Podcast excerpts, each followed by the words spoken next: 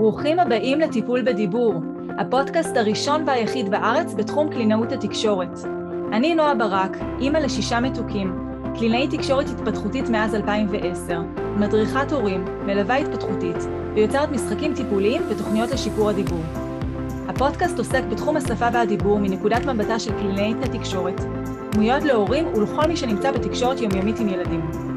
חפשו אותי באתר שלי noabarak.co.il ועקבו אחריי גם ברשתות החברתיות. האזנה נעימה. שלום לכל המאזינים והמאזינות. נמצא איתנו היום אורח מיוחד, אני לא אציג אותו, זה אורח בהפתעה. אני מניחה שתוך כדי השיחה אתם אה, תנחשו, ואז הוא גם אה, יספר אה, על עצמו בצורה יותר מסודרת, אבל אנחנו פשוט נתחיל את הפרק, ותוך כדי הפרטים הנוספים יעלו. אז שלום לך, מה שלומך? מצוין. יפה. בוא תספר לנו בעצם מה, מה לך ולשפה, איך הגעת להתעסק בתחום הזה, איך אתה קשור לתחום השפה? אני מניח שמדברים על השפה העברית, אז קודם כל אני דובר ילידי, כך שהתחלתי להתעסק איתה ברגע שנולדתי, ואולי קצת לפני, כששמעתי דברים עוד לפני שנולדתי. אבל העיסוק המקצועי שלי מתחיל אה, באוקראינה, כן? זה עכשיו חזק בחדשות. אה, זה התחיל כשלימדתי באוקראינה אה, עברית ויהדות ב-2006, למעלה מ-15 שנה, וככה, למרות שזה לא היה אמור להיות התפקיד הראשי שלי שם, זה מה שזה נהיה, ואפילו יש לי אנקדוטה מאוד מעניינת, אה, מצחיקה במיוחד לאלה מכם שמבינים קצת רוסית, אני זוכר שלימדתי בבית ספר יהודי שם, ואני דיברתי עברית והיה, והיה מתורגמן או מתורגמנית שהסבירה את הדברים ברוסית, זה היה בחרקוב או מה שנקרא באוקראינית חרקיב, ולימדתי על צירוף סמיכות בעברית, כלומר בית ספר, ונתתי דוגמאות, אז אני מסביר לכיתה בית ספר, בית כלא, ובית תמחוי, וכל הכיתה צוחקת, והמתורגמן או המתורגמנית אדומים מכולם, ואני לא הבנתי מה רוצים, ולאלו מכם שפחות מבינים רוסית, תם זה שם ברוסית, וחוי ואיבר גוף שלא מקובל אה, בפודקאסט מהוגן מהסוג הזה להסביר. אז ככה שאחרי זה כבר נמשכתי לתחום ההוראה של, אה, של העברית. יפה, באמת סיפור מעניין. מי מגיע אליך ללמוד עברית? אמ, איזה, איזה מין אנשים? למה בעצם הם עושים את זה? למה הם מגיעים ללמוד את העברית? אז אה, קודם כל, ואולי העובדה הכי מפתיעה לגבי העובדה, אה, לגבי האופן שבו אני מלמד עברית, הוא שאני לא מלמד עברית בעברית. שזה באמת קצת אחרת, בדרך כלל מי שלומד עברית עברית בת זמננו, לומד באולפן או לומד במסגרות שבהן גם שפת ההוראה היא עברית.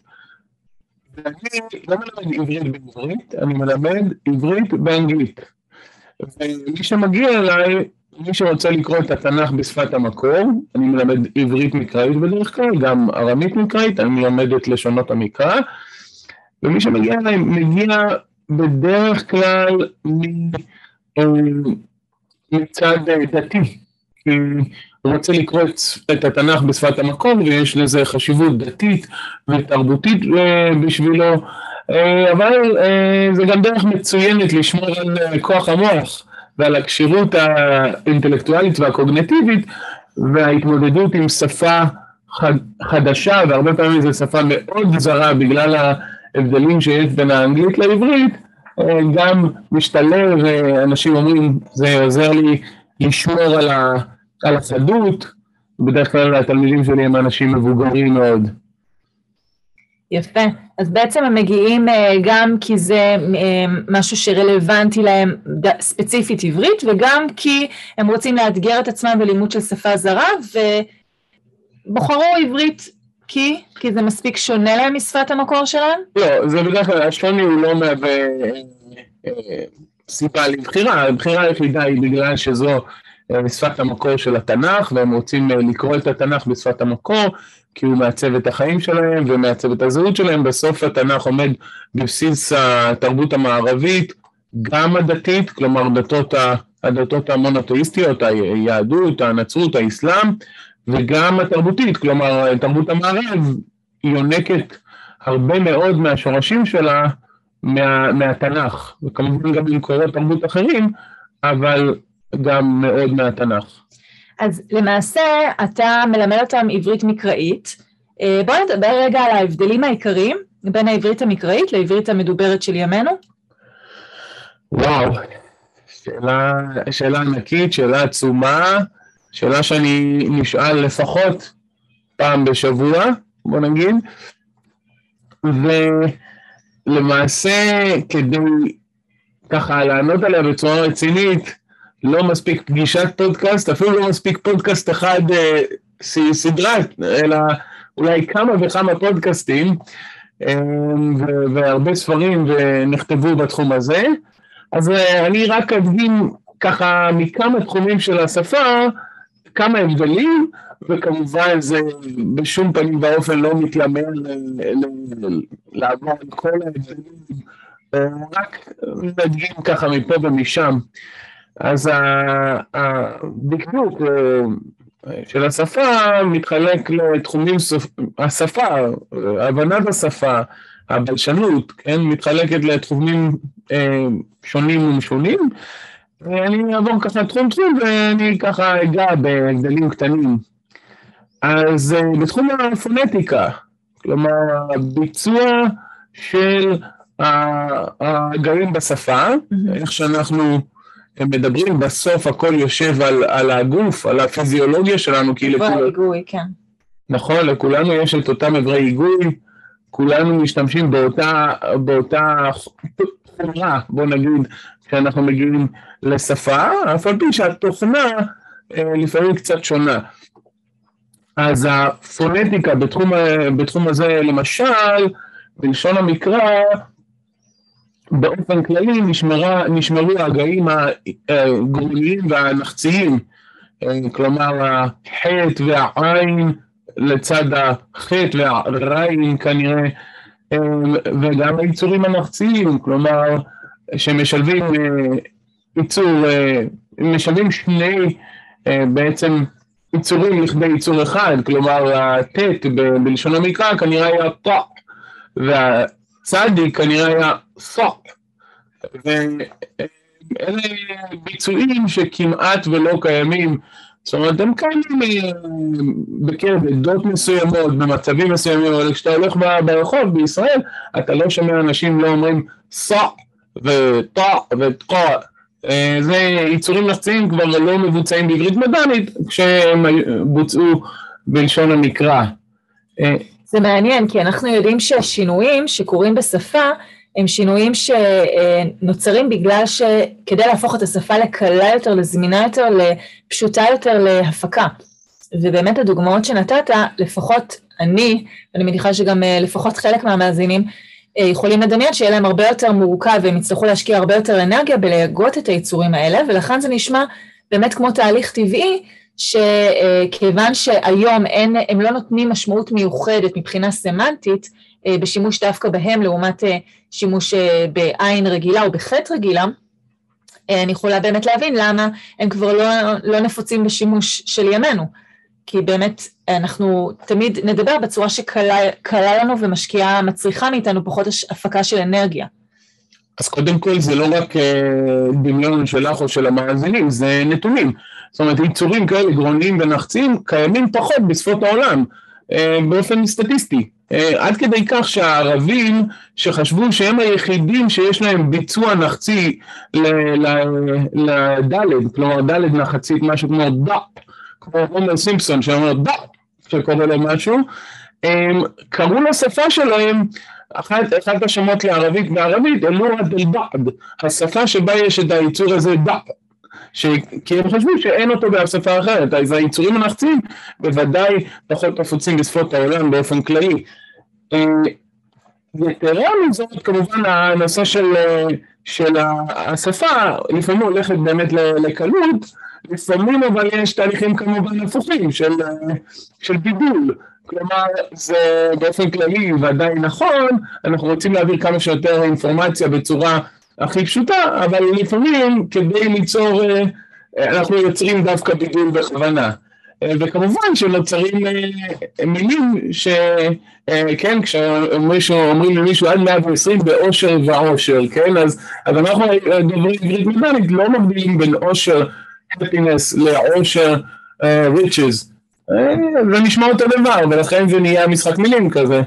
כן, אבל באמת אם נגיד אותם בסמיכות, אושר ואושר, אז אולי כן, למרות שבדרך כלל לא נדגיש את האושר עם עין, אבל אם נאמר אותם בסמיכות ונרצה להדגיש את ההבדל, אז כן נבין שככה זו דרך מבחינתנו להדגיש את ההבדל הסמנטי. לגמרי, זה מה שאנחנו עושים. אמ, יש פונטיקה, שזה הביצוע, ויש פונולוגיה, אני עובר לתחום הבא, שזה איך בעצם שהיצורים נתפסים במוח שלנו, או ההיגוי נתפס במוח שלנו. אה, פה נניח, בחרתי דוגמה שכמובן הדוגמאות ש...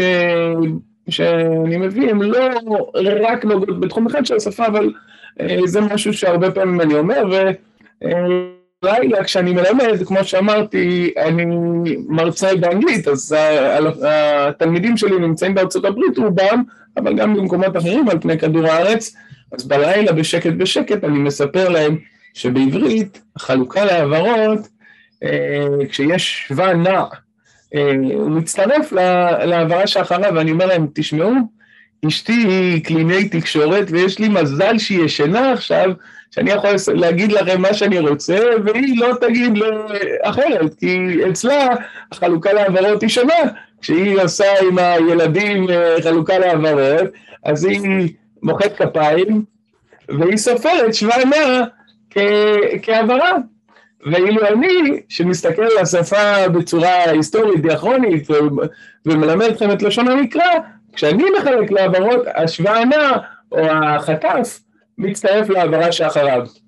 אז זהו, אז קודם כל חשפת, אז נעשה את זה מסודר. אז האורח היקר והחשוב שנמצא איתנו היום זה נתנאל, שהוא בעלי, והוא באמת אה, מורה לעברית מקראית, ארמית מקראית, וכמו שהוא אמר, הוא עוזר אה, לאנשים שהם לא בהכרח יהודים, לקרוא את התנ"ך בשפת המקור, כמו, ש, כמו, ש, כמו שבמקור, אה, ובאמת זה, זה זה, זאת ה, אה, זה תחום העיסוק שלו. אני רואה שאת מתרגשת. אתה רוצה להמשיך? להציג את עצמך? אמ, כן, אה, אז אני מרצה לעברית מקראית ארמית ותנ"ך, אמ, עוסק בתחום ב-15 שנה האחרונות, אמ, מלמד רק אה, באנגלית. ומלמד בזום הרבה לפני ש... כן, כולם הצטרפו לאונליין בשנתיים שלוש האחרונות.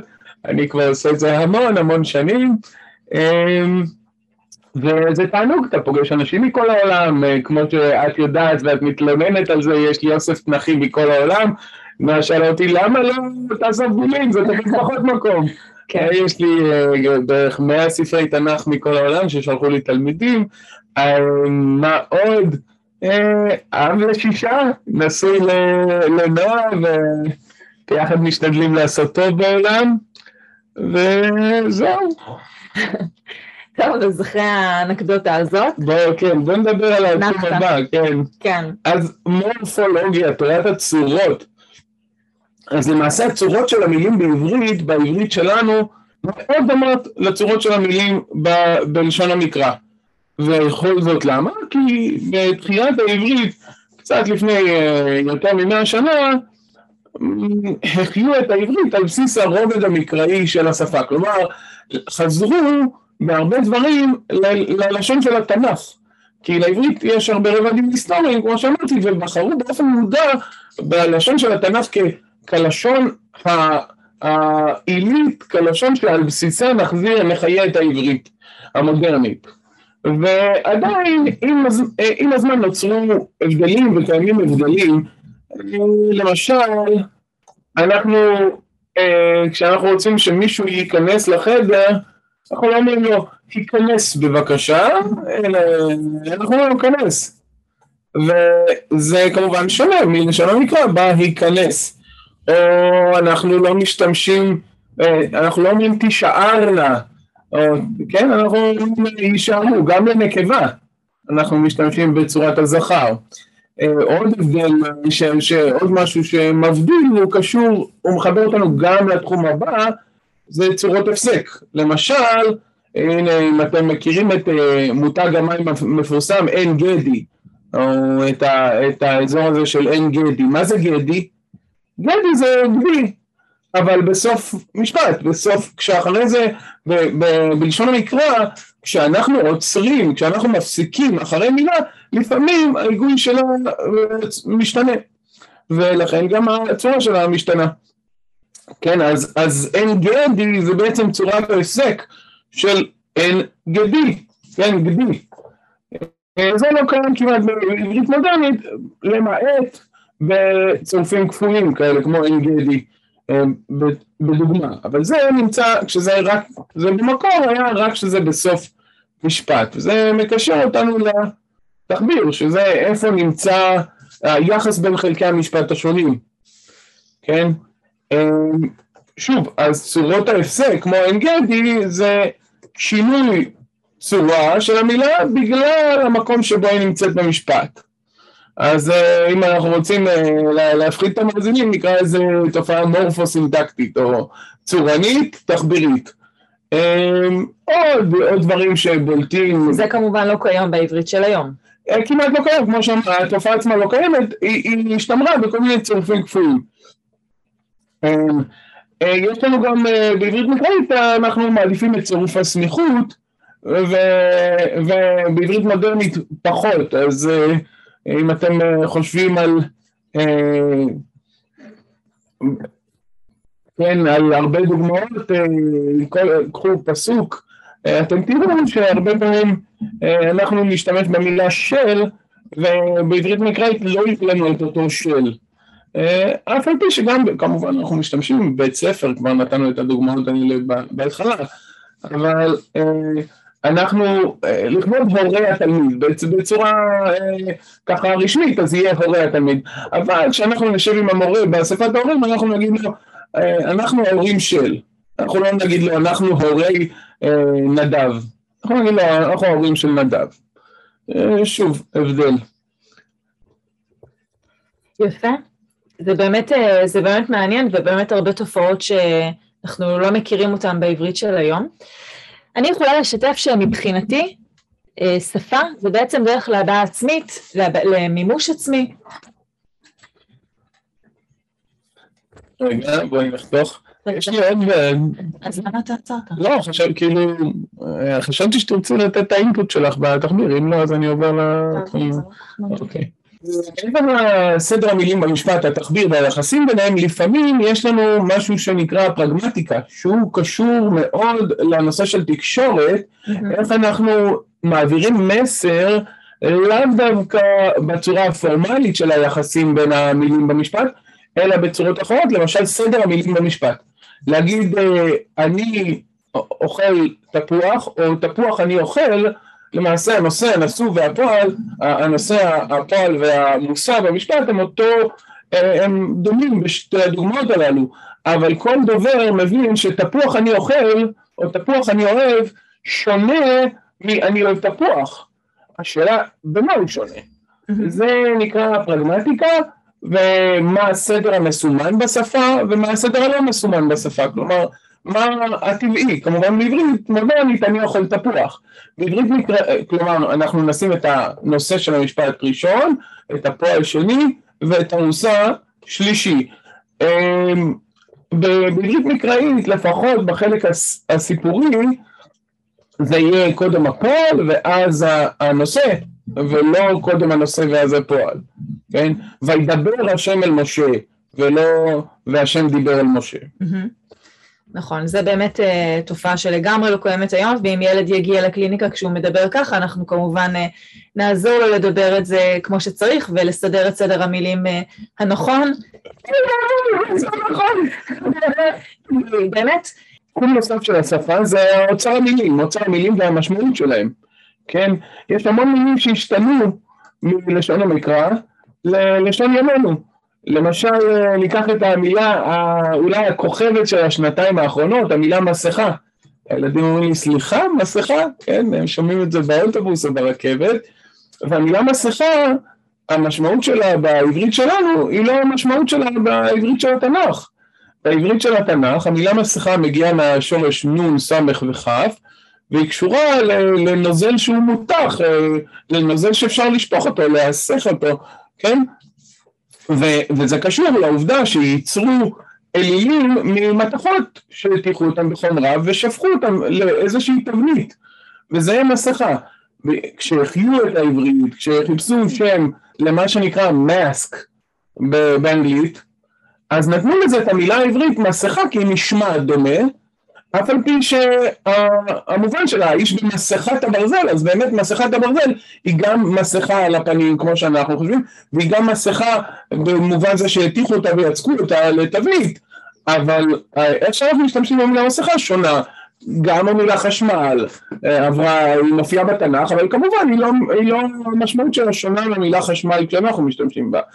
אפילו המילה כן, המילה כן בעברית של המקרא לא, לא, הכוונה שלה היא לא yes, אלא משהו אחר. אה, ככה, בדרך כלל כך, זה המובן של המילה כן. והתלמידים הישראלים הם לא יודעים שהם לא יודעים, כי הם יודעים עברית, ואם תשאל אותם מה זה מסכה הם חושבים שהם יודעים.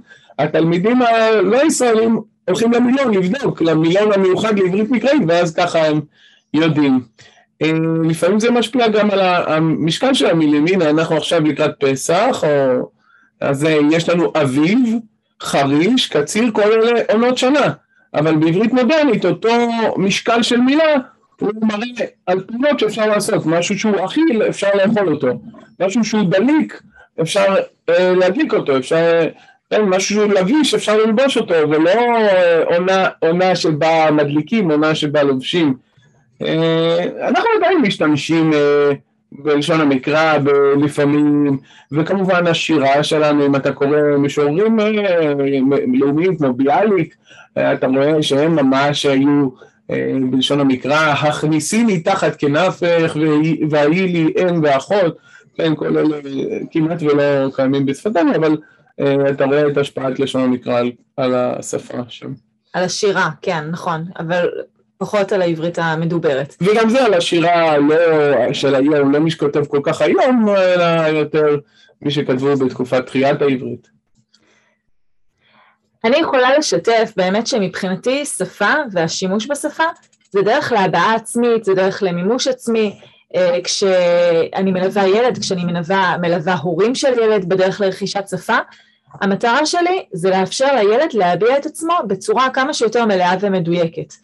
וכדי שזה יתאפשר, אני רוצה להקנות לו אוצר מילים עשיר, אני רוצה לתת לו את האפשרות להשתמש במשפטים אה, ארוכים יותר, במבעים יותר מורכבים, כמובן לפי סדר המילים אה, המדובר היום ולא סדר המילים אה, המקראי, אלא באמת מה שרלוונטי היום, וכמובן בהתאם לגיל שלו, ואני רוצה לאפשר לו להתבטא, ב- לבטא את הרגשות שלו, את המחשבות שלו, את החלומות שלו, ו- וזאת המטרה העיקרית מבחינתי. ולכן, לצורך הדוגמה, אם מגיע ילד בן שנה וחצי או שנה ושמונה חודשים, מגיע אליי ככה לתהליך, והוא עדיין לא אומר מילים ראשונות בכלל.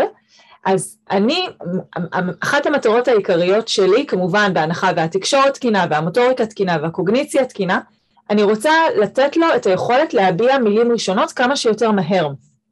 ואני אתחיל ממילים פונקציונליות, מילים שיאפשרו לו לתקשר בכמה שיותר מצבים ולהביע את הרצונות שלו. למשל, אה, המילה פה. אם הוא מסוגל להגיד פה ולהצביע פה, זה משהו שמאפשר לו תקשורת בהרבה הרבה מצבים. אה, זה, זאת לעומת אה, הצבע האדום. אה, אני לא אלמד אותו בגיל שנה ושמונה, במיוחד אם זו מילה ראשונה. אדום, זה יהיה, יהיה לו פחות תקשורתי ופחות רלוונטי להביע את עצמו, מאשר מילים שהן מצביעות, מילים שעוזרות לו להסביר, לתאר, להפעיל את הסביבה. הנה, פה, איפה, עוד, את זה, אה, די, עוד, מילים כאלה. אה, ובמקרה כזה, אני גם אתייחס למשל לצירוף את זה, לצורך הדוגמה, אה, את זה הוא מבחינתי ייתפס כמילה אחת, למרות שזה בעצם שתי מילים בדידות, אני אתפוס את זה או אעודד את הילד להשתמש בזה ואחשוף אותו למילה הזאת ואתייחס אליה כמילה אחת שפשוט יש לה שתי עברות. מבחינתי אם הוא אומר את זה, למרות שהוא אומר את זה ברצף, הוא לא יגיד את זה, הוא אומר את זה, ככה, מבחינתי זה מצוין.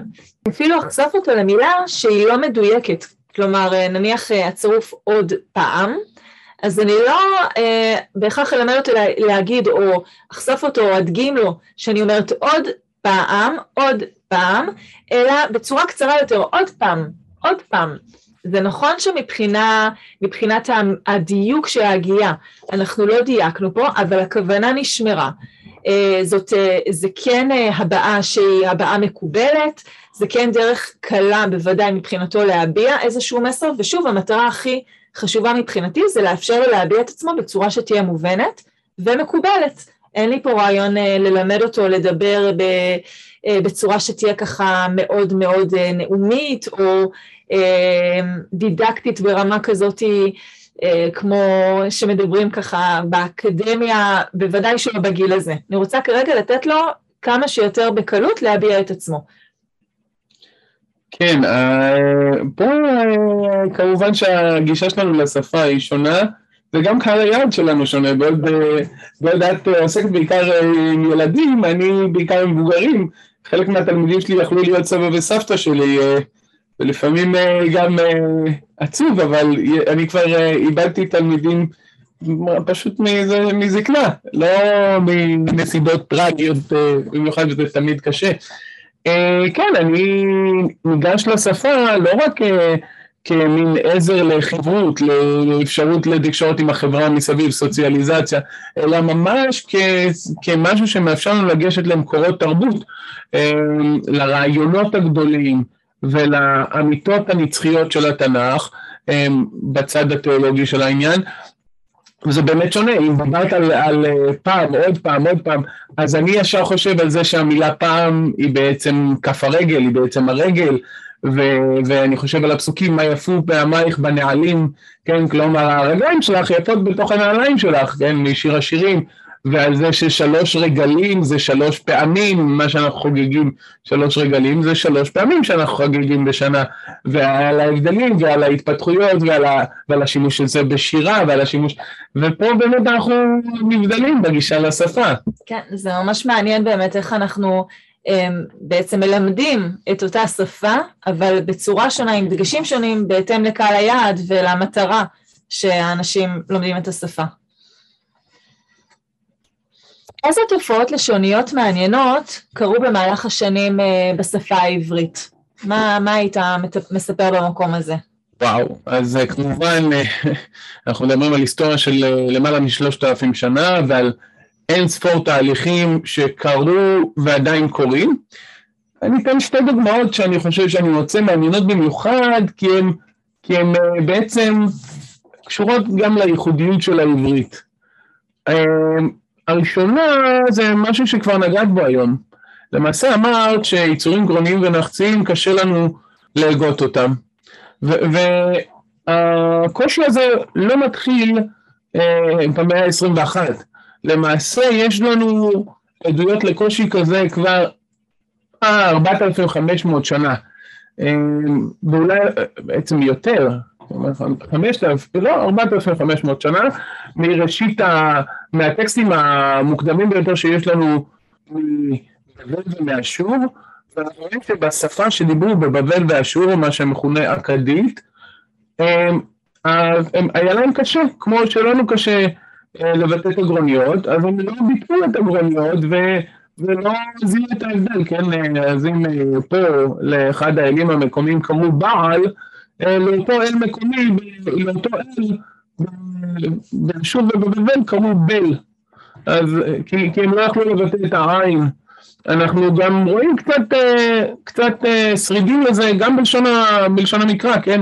אם יש לנו את המילה פתע או הפתעה, שאנחנו, שאנחנו כותבים עם עין, את המילה פתאום אנחנו כותבים עם א', למרות שהן קשורות אחת לשנייה, פתע ופתאום. כמו שלוש ושלשום. בגלל הקושי הזה להגות את הגרוניות, פתאום נוצר לנו איזשהו אה, דמיון ביניהם. זה גם קורה בשפות אחרות, למשל בערבית יש לה, באי מלטה, אחד האיים המעניינים בים התיכון, אה, אם נשאל את התושבים מה הם מדברים, הם אומרים מלטזית. מה זה מלטזית? זה ערבית של אשכנזים. כלומר, אה, כמו שהאשכנזים באירופה לא ביטאו את העין ואת החטא ואת ה... ואת הקוף ואת הטרט ואת הסד, ככה גם בערבית במלטה, אה, תושבי מלטה לא מבטאים את היצורים האלה, והקושי הזה מעניין כי הוא ניכר על פני תרבויות שונות ותקופות שונות. אמ, עוד, עוד, עוד אה, שינוי שהוא מדהים, אה, וזה קשור למכתב שמצאנו, מה זה מצאנו? לא אני מצאתי, מצא אותו האב רולנד דברו, היה כומר דומיניקני צרפתי ב-1952, הוא קנה מכתב, הוא קנה מכתב שכתב לא אחר מאשר בר כוכבא, כן, כולנו מכירים את השיר, איש היה בישראל, בר כוכבא שמו, כן, ואותו מכתב, אה, אותו מכתב פפירוס שנמצא באזור אה, נחל חבר, ואדי מורבת, בר כוכבא שולח לסגן שלו, כן, אה, מי מכיר את הסגן של בר כוכבא, כן, יוחנן בן גלגולה, הוא שולח לו מכתב ואומר לו, תשמע, אתם צריכים לשמור על, ה, על האנשים מהגליל שנמצאים אצלכם, כן, ואם אתם, אפילו אחד מהם ימות או יברח, שאלה איך מבינים את הסיפור, אני אאסור אתכם כמו שעשיתי לבחור אחר שנקרא בן אפלול. אבל הוא כותב את זה בצורה אה, מגניבה, הוא כותב מעיד אני עלי את השמיים, ואת התו הוא מחבר נשים במילה אחת, את השמיים. ייפסד אחד מן הגללאים שאצלכם, כל אדם, אה, כן, שאני נותן את הכבלים ברגליכם. את הכבלים, את השמיים, את הכבלים, ממש במילה אחת. כמו שעשיתי לבן אפלול. אז כשאנחנו בעברית מודרנית אומרים סגור את הדלת, אוקיי? פתח את החלון, אנחנו בעצם רואים את אותה תופעה שכבר קרתה בהיסטוריה של, של העברית. היא קרתה, היא, היא, היא קרתה אי אז בזמנו של בר כוכבא, אוקיי? ועכשיו היא קרתה, היא קרתה ש... עוד פעם, אחרי קריאת העברית, שכולם היו ילדים טובים ואמרו את ה, את ה, קרה אותה תופעה ואסגור את הדלת. אני עליי את השמיים, את הכבלים ברגליכם, ואני בכלל לא נוגע בכל הצורות שבהן הוא כתב, שהן מוזרות. עשיתי הוא כותב עם סמך, אצלכם במקום א' הוא כותב ה', ואנחנו רואים שגם הגרוניות וגם התופעה הזאת של סגור את הדלת כבר קרו, ועכשיו הן קורות פעם שנייה בהיסטוריה של העברית. מעניין, זה באמת מעניין, ובאמת אה, מחזק את זה ששפה זה, זה דרך להתבטא בצורה להביע את עצמנו, וזה צריך להיות כמה שיותר קל וזמין ונגיש, והתופעות האלה באמת תופעות שקורות באופן טבעי כדי לאפשר את זה. אתה לא עוסק רק בעברית, אלא למדת גם יוונית, ארמית, ערבית, אכדית, סורית, רוסית, גרמנית, יידיש, אנגלית, שכחתי משהו? מה היית אומר שהכי מיוחד בשפה העברית לעומת כל השפות האחרות אה, שמניתי פה? אמ, אז קודם כל, אה, תודה רבה. אני זוכר את ההלם המוחלט על פנייך כשאני חוזר מהאוניברסיטה העברית ולראשונה את רואה אותי מכין שיעורי בית ביוונית עתיקה, אה, כי פשוט לא, לא, לא הכנתי שיעורי בית מעולם, והגעתי לקורס הזה והבנתי שפה צריך להכין שיעורי בית. אריאדנה קונסטנטינה, המרצה ליוונית עתיקה, הבהירה את זה, ומי שלא הכין פשוט לא ידע מה, מה קורה איתו ביום שאחרי. כן, מה שמיוחד בעברית, לפחות כרגע, היא שהיא באמת נותנת לנו גישה לאוצרות התרבות של השפה והדת והתרבות שלנו בשלושת אלפים שנה האחרונות בצורה די קלה. כלומר, עם כל ההבדלים, אה, ופה יש שלא יסכימו איתי, אבל עם כל ההבדלים, כן, בהסברים קלים, יש לדוברי עברית מודרנית גישה אה, לא רעה ללשון המקרא. כן, לא במאה אחוז, וציינו את ההבדלים וכמה מההבדלים, ואמרנו שיש יתרון לסטודנטים הזרים שהם יודעים שהם לא יודעים, אבל כן, יש לנו יכולת לגשת לאוצרות תרבות, יש לנו יכולת לפתוח את מגילות קומראן ולקרוא, וואלה, כמו שאנחנו קוראים את עיתון הבוקר, אה, אף אחד לא קורא עיתון היום, אבל כמו שאנחנו קוראים אתרי אינטרנט היום, אה, זה כתוב באותו כתב, וזה פחות או יותר אותה שפה, וזה מדהים, דוברי אנגלית למשל לא נהנים מה, מהעושר הזה, כן? אם אתה הולך אה, ליצירות באנגלית ש, שנכתבו לפני הרבה הרבה פחות משלושת אלפים שנה, היצירה הראשונה באנגלית מקובל לתאר את בלרוף, אבל אם אתה לא פרופסור לאנגלו-סקסונית, אתה לא יכול לקרוא את בלרוף, יש לזה המון המון תרגומים לאנגלית, כי דוברי אנגלית לא יכולים לקרוא את זה. Uh, לצערי, יכול להיות שאנחנו הולכים לכיוון דומה גם במרחק בין העברית המקראית לעברית המודרנית, והיום כבר יש את תנ"ך רם, שכאילו מתרגם את שפת התנ"ך לעברית מודרנית. מעניין. כן, זה נושא באמת uh, מרתק. לימדת אלפי אנשים שפה חדשה עבורם. איזה תובנות יש לך למאזינים, למאזינות שלנו, שרובם בעצמם מלמדים את הילדים לדבר בעצם בשפה חדשה, שפה שלדבר בכלל, זאת שפה חדשה עבור הילדים. אז כמובן יש אה, הבדלים בין אה, ללמד שפה בצורה אקדמית אה, למטרות גישה לטקסטים, שזה פחות או יותר מה שאני עושה, וללמד שפה חיה, אבל יש כמה דברים שאני כן משתדל לשלב מתחום הזה של, ה, של ההוראה של שפות באופן כללי, לשלב כמה שיותר חושים ב, בלימוד, אם זה שמיעה, יש כאלה שלומדים טוב יותר בשמיעה, אני מקליט לתלמידים שלי את הפסוקים שאני קורא, אה, זה קריאה, כתיבה, אה, אם היה, אני הרבה פעמים אומר, אם, אם הייתי יכול אה, להכריח אתכם לאפות עוגיות בצורת האותיות, הייתי גם את זה עושה, כלומר, לשלב כמה שיותר חושים בלימוד, לא לפחד לטעות, לא לפחד לטעות, הרבה אנשים מחכים שיהיה להם רמה מסוימת בשביל להתחיל. לא, מתחילים, מתחילים, וככל שטועים יותר, לומדים יותר, אה, לשלב דברים בהקשר, בהקשר שלהם.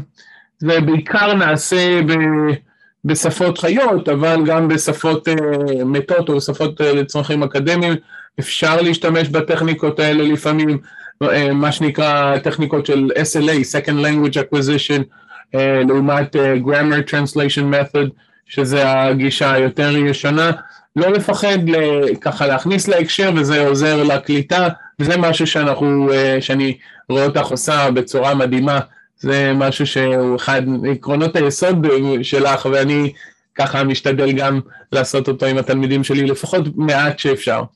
תודה. כן, אני, זה, זה ממש לגמרי נכון, שברגע שילד, אה, גם מעוררים אצלו, או ילד או אדם, מעוררים אצלו יותר חושים, אז יש יותר... אה, יותר דרכים למוח לקלוט את זה ולעבד את המידע, יש יותר מקומות שזה מתאכסן במוח, גם המשמעות של המילה, אה, כל המרכיבים שלה, מידע על אותו מושג, מה המילה הזאת מייצגת, וזה באמת אה, משהו שעוזר מאוד מאוד בתהליך של הלמידה. אתמול באמת היה לי מפגש live עם קבוצת הורים, ואחד האבות שם שאל אותי, איך אני יכול ללמד את הילד את משפחת הפירות. ושאלתי אותו, מה בעצם עשיתם עד היום, איך ניסית עד היום ללמד אותו? אז הוא אמר לי, אני לקחתי תמונות מתאימות, ואני אומר לו, הנה תפוח, וזאת בננה, וזה אגס, ו- ולא נקלט. אז אמרתי לו, אני באמת מסכימה איתך ואני מסכימה איתו, שזה הרבה יותר קשה להבין ו- ולרכוש משמעות של מילה, כשרק רואים אותה בתמונה. אם אני רוצה ללמד ילד תפוח, הרי זה לא סתם לשנן ולהצליח להגיד את הצלילים תפוח. זה לא נותן לי שום דבר אם אני יודעת להגיד את הצלילים, אבל לא מבינה את המשמעות ומה זה מייצג בעצם.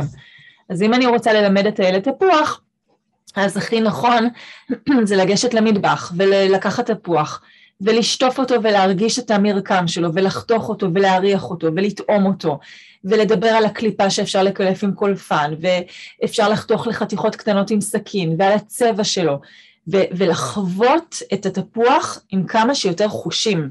ואז לא רק שהילד ידע הרבה יותר בקלות להגיד את המילה תפוח, הוא גם יבין מה זה אומר, והוא ידע לשלב אותה בתוך השפה שלו בצורה כמה שיותר טבעית. אה, נכון, אני מאוד מתחברת למקום הזה של, ה- של החושים. טוב, נתנאל, אז uh, לסיכום ככה, מה היינו רוצים להמליץ להורים בבית בכל מה שקשור לשיח שפתי אה, עם הילדים שלהם. אה, אני אתחיל, אני אגיד את התובנות שלי ואז אתה ככה תוסיף. שוט. אז באמת, כמו שאמרת, שפה זה משהו שנמצא בכל מקום. אני לא צריכה ליצור אה, הזדמנויות ספציפיות בשביל לשוחח, אני לא צריכה אה, לשחק עם הילד כדי ללמד אותו לדבר, שזה באמת אה, משהו שהרבה פעמים הורים אומרים לי, אין לי זמן לעזור לו לדבר טוב, כי אין לי זמן לשחק איתו. ואני תמיד אומרת, זה בסדר גמור, לא צריך לשחק איתו. צריך לפעול בדיוק באותם דברים שאנחנו עושים גם ככה, רק לנצל את ההזדמנויות האלה כדי להתאים את ה... את, או לנצל אותם כדי לשוחח עם הילד ברמה שתקדם אותו ותפתח אצלו את השפה.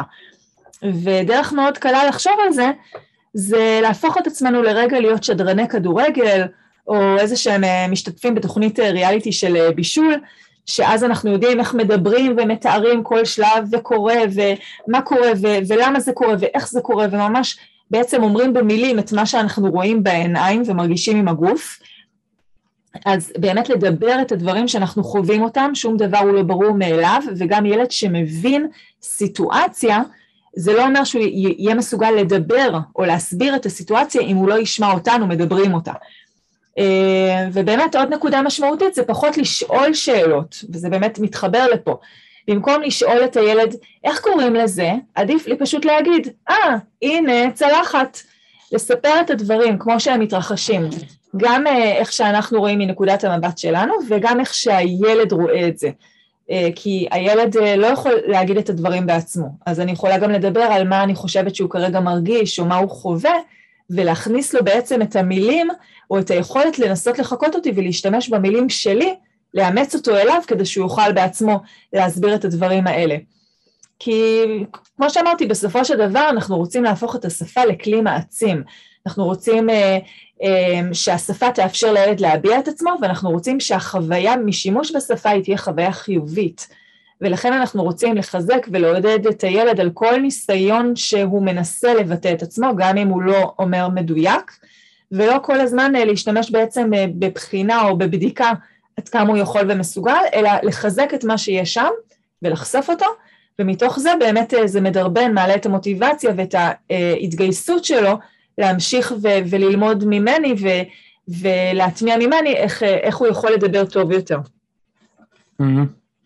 כן, זה גם בהתאם למה שקורה אצלנו בבית, כן, את יותר מדברת עם הקטנים יותר, ואני אולי קצת יותר מדבר עם הגדולים יותר, לא שאנחנו לא מדברים, כן, עם ה... לא שאני לא מדבר עם הצעירים, עם הצעירות יותר ואת עם הגדולים יותר, אבל איפשהו יש, אה, אני לפחות מרגיש שאני מדבר יותר עם הגדולים, כי השפה היא כבר לא רק אה, שפה סיעודית, כלומר אני צריך את זה, אני צריך ללכת לשירותים או אני רוצה לאכול או אה, זה, אלא יש לשפה מעבר לשימושים התכליתיים הבסיסיים, אה, היא כלי, הכלי המרכזי שלנו להעביר את התרבות, אה, היא כלי לחשיבה, לשעשוע, להרחבת הדעת, ופה אני ככה ממליץ לכם באמת להשתמש בכל, ה, בכל הכלים האלה של